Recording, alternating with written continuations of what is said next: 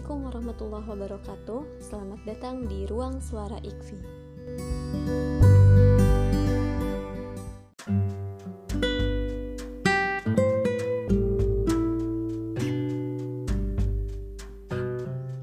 Kali ini aku nggak sendirian karena ditemenin sama teman hidup. Assalamualaikum Kang. Waalaikumsalam warahmatullahi wabarakatuh.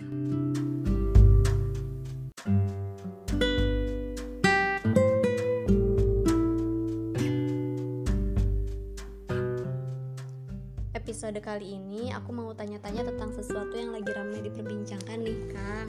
Oh iya, silakan. Aku mau nanya-nanya tentang patriarki. Oh iya, iya, silakan. Kalau aku lihat nih Kang, dari KBBI, patriarki itu adalah perilaku mengutamakan laki-laki daripada perempuan dalam masyarakat atau kelompok sosial tertentu. Bagi orang awam seperti aku juga nih, istilah patriarki lebih banyak dipakai untuk keluarga karena ada yang berkuasa di situ yaitu suami atau ayah, ada juga bawahannya yaitu istri dan anak-anak. Itu eh, sebenarnya aku mau nanya patriarki itu sendiri apa sih? Kalau dari KBBI bilang patriarki itu sebuah sistem masyarakat atau kelompok tertentu itu memang terjadi di zaman Yunani seperti itu. Artinya ke- kekuasaan laki-laki terhadap perempuan yang begitu mendominasi itu terjadi secara skala yang luas dalam arti skala hidup yang yang lebih luas dalam masyarakat begitu.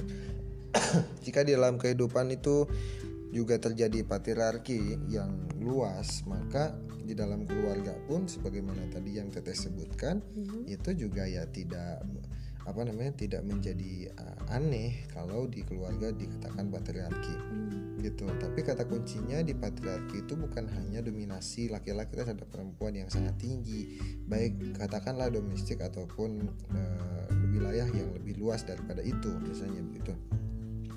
Nah tapi ada ke kezoliman ya di sana ya jadi patriarki itu ada aspek-aspek zolimnya. Jadi laki-laki menguasai perempuan secara zolim. Itu mendolimi perempuan menindas perempuan dan ini terjadi sejak zaman Yunani hingga zaman Kristen. Itu jam eh, sampai abad ke eh, 18-19 kemudian muncul gerakan feminisme yang melawan patriarki di barat itu sendiri begitu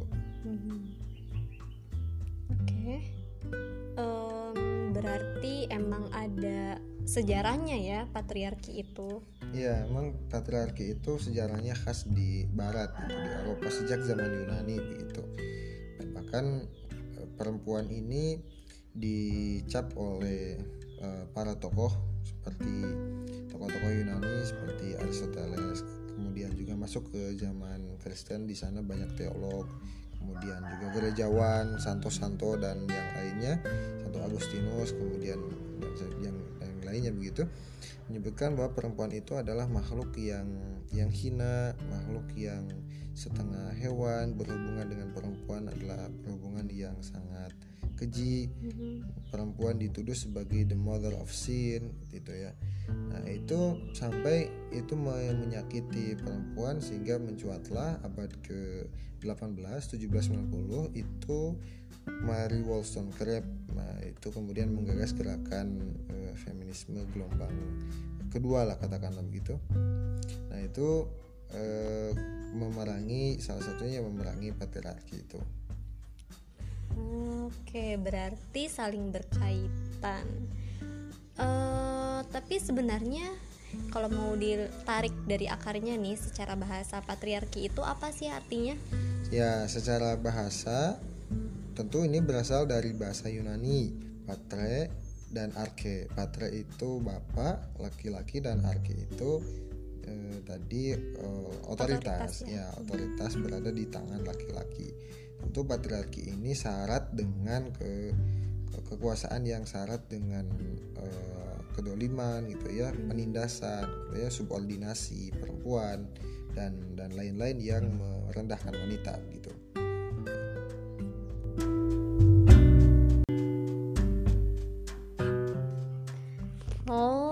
berarti tadi kan eh, dilihat dari bahasa patriarki. laki-laki yang memiliki kekuasaan tapi tadi Akang bilang yang ada unsur kezoliman gitu ya berarti kalau misalkan keluarga ya kita merucut ngefokusin ke keluarga Hmm. keluarga eh, tidak ada unsur kezoliman dalam kekuasaan suami atau ayah itu berarti tidak menerapkan sistem patriarki dong Kang Iya, jadi ada sistem yang eh, kan setiap perkawinan itu ya pasti kan laki-laki menjadi kepala rumah tangga. Yang namanya kepala atau pemimpin itu ada aspek kekuasaannya.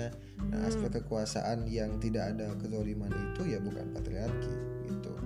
Ya, itu berbeda dengan patriarki gitu. Oh, berarti emang tidak semua keluarga itu menggunakan sistem patriarki meskipun ada kekuasaan. Iya.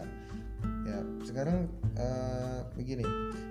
Apakah bisa sebuah keluarga itu be- berjalan tanpa ada kekuasaan? Kan Hmm, nggak bisa, harus ada seseorang yang menjadi pemimpin. Iya. Pemimpin itu kan berkuasa. Cuman masalahnya di sana kekuasaannya itu adil dan tidak adil gitu. Apakah adil atau tidak? Sekarang kalau misalnya eh, setiap orang yang berkuasa, pemimpin, misalnya pemimpin dalam rumah tangga kan punya kekuasaan terhadap istrinya. Hmm, Nah, semata-mata hanya karena punya kuasa itu disebut dengan patriarki, patriarkat yang bermasalah dong gitu. Lalu karena patriarkat ya eh, apa namanya itu eh, melanggengkan penindasan terhadap perempuan lagi-lagi seperti itu misalnya. Gitu. Kalau misalkan di setiap keluarga eh kalau misalkan ada keluarga yang tidak menggunakan sistem patriarki Hmm. dalam kekuasaan si suaminya atau ayahnya itu ada istilah lain gak sih Kang? Atau hanya sekedar pemimpin? Udah aja eh, sebagai ayah sebagai suami gitu terus gimana? Ya eh, ada tentu istilahnya dalam Islam misalnya. Ya, eh, itu istilahnya adalah qawwam seperti di surat An-Nisa ar-rijalu qawwamun 'ala nisa pemimpin adalah laki-laki adalah pemimpin, Pemimpin. bagi perempuan. Nah qawwam di sini Ibnu Katsir menyebutkan mu- musallitun. Ya musallitun itu berkuasa. Selain itu juga ada aspek muadibun ada aspek mendidiknya kemudian juga terkait dengan eh, kewajiban laki-laki harus mem- memberi nafkah gitu kan. Kemudian juga memberi eh, pakaian perlindungan kemu- kemudian juga rumah dan juga harus adil terhadap eh, keluarganya itu. Itu. Dan yang paling tinggi adalah nilai ibadah ya. Bagaimana eh, aspek sakinah mawadah warahmah di surat ar-rum itu harus tercipta dalam keluarga sampai dia ku anfusakum wa ahlikum nar bahagia di dunia dan akhirat. Dan kan ku anfusakum wa ahlikum nar itu ku itu kepada siapa? Kepada suami. Wa ahlikum dan keluarga kalian. Keluarga kalian itu istri dan anaknya. Itu harus bahagia di dunia dan di akhirat.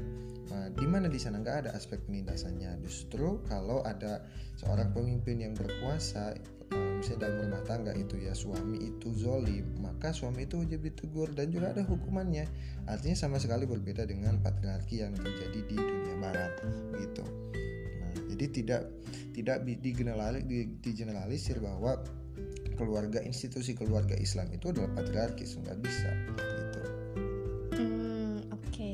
Tapi kan tetap berarti ya di setiap keluarga selalu ada pemimpin, nggak mungkin nggak ada. iya Itu jadinya apa tuh? Di kalau disebutnya relasi apa? Oh relasinya antara oh, ya katakanlah kalau secara sederhananya ya patriarki itu relasi kuasa saja. Mhm. ya tapi kalau di dalam Islam itu juga relasi kuasa, relasi mendidik, relasi saling membahagiakan, relasi kerjasama, relasi ibadah, dan banyak sekali relasi-relasi yang kaitannya berkaitan dengan ketuhanan ibadah akhirat gitu. Tidak ada kezaliman begitu. Ya katakanlah relasi kerjasama lah begitu, ya, kerjasama musyawarah dan sebagainya.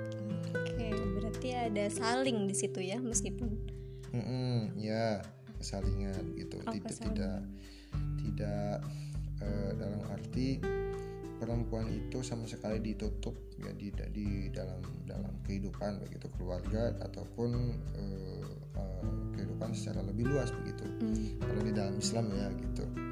Ya. Udah jelas berarti ya eh, apa? Iya beda. Ternyata ada sistem patriarki tapi ya istilahnya patriarki juga beda istilahnya dengan istilah kawam. Mm-mm. sangat berbeda pisan gitu ya Kang. Ya bisa dikatakan begitu beda kalau ini ini ngomong-ngomong tentang keluarga dari tadi patriarki terus kawam ke keluarga eh, ini deh eh, sedikit tentang peran keluarga. Berarti kan ada istilah nih eh, suami bantu istri dalam hal mengerjakan pekerjaan rumah tangga. Kalau misalkan di situ relasi apa tadi relasi kerjasama?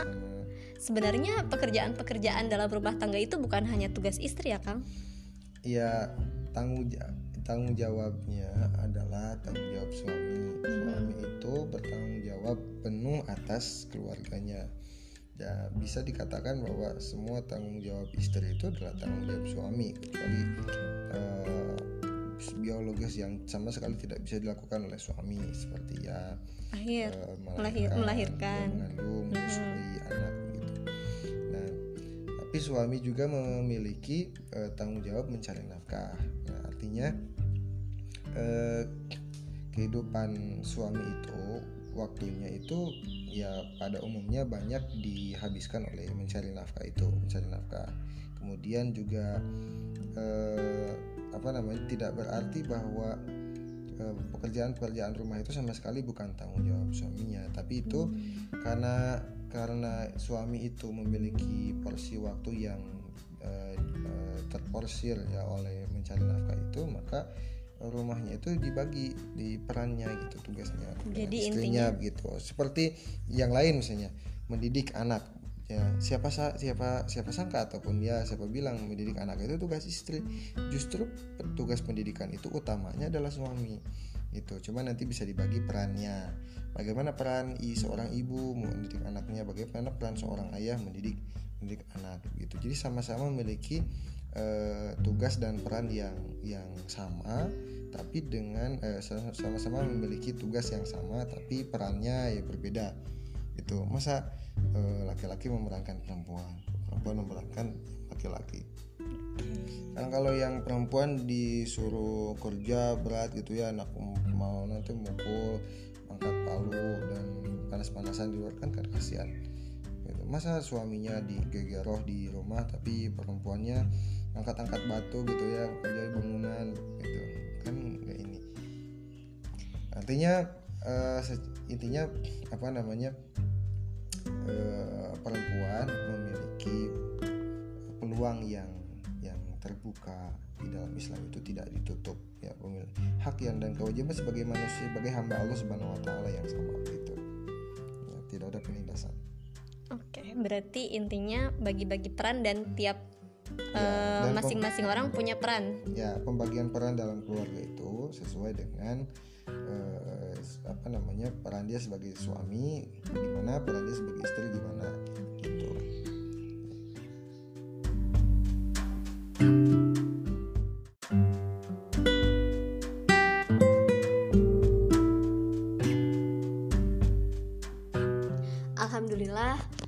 sekarang aku juga jadi ngerti perbedaan antara patriarki dan kaum. alhamdulillah Alhamdulillah. Semoga teman-teman yang ngedengerin juga bisa ngerti ya Hmm, Kang amin. dan semoga makin cari tahu hal-hal terkait itu dan hal-hal lainnya. ya Akang juga semoga batuknya cepat sembuh. ya amin satu nuhun Mohon maaf dari kami kalau ada salah-salah kata atau ada hal-hal yang keliru.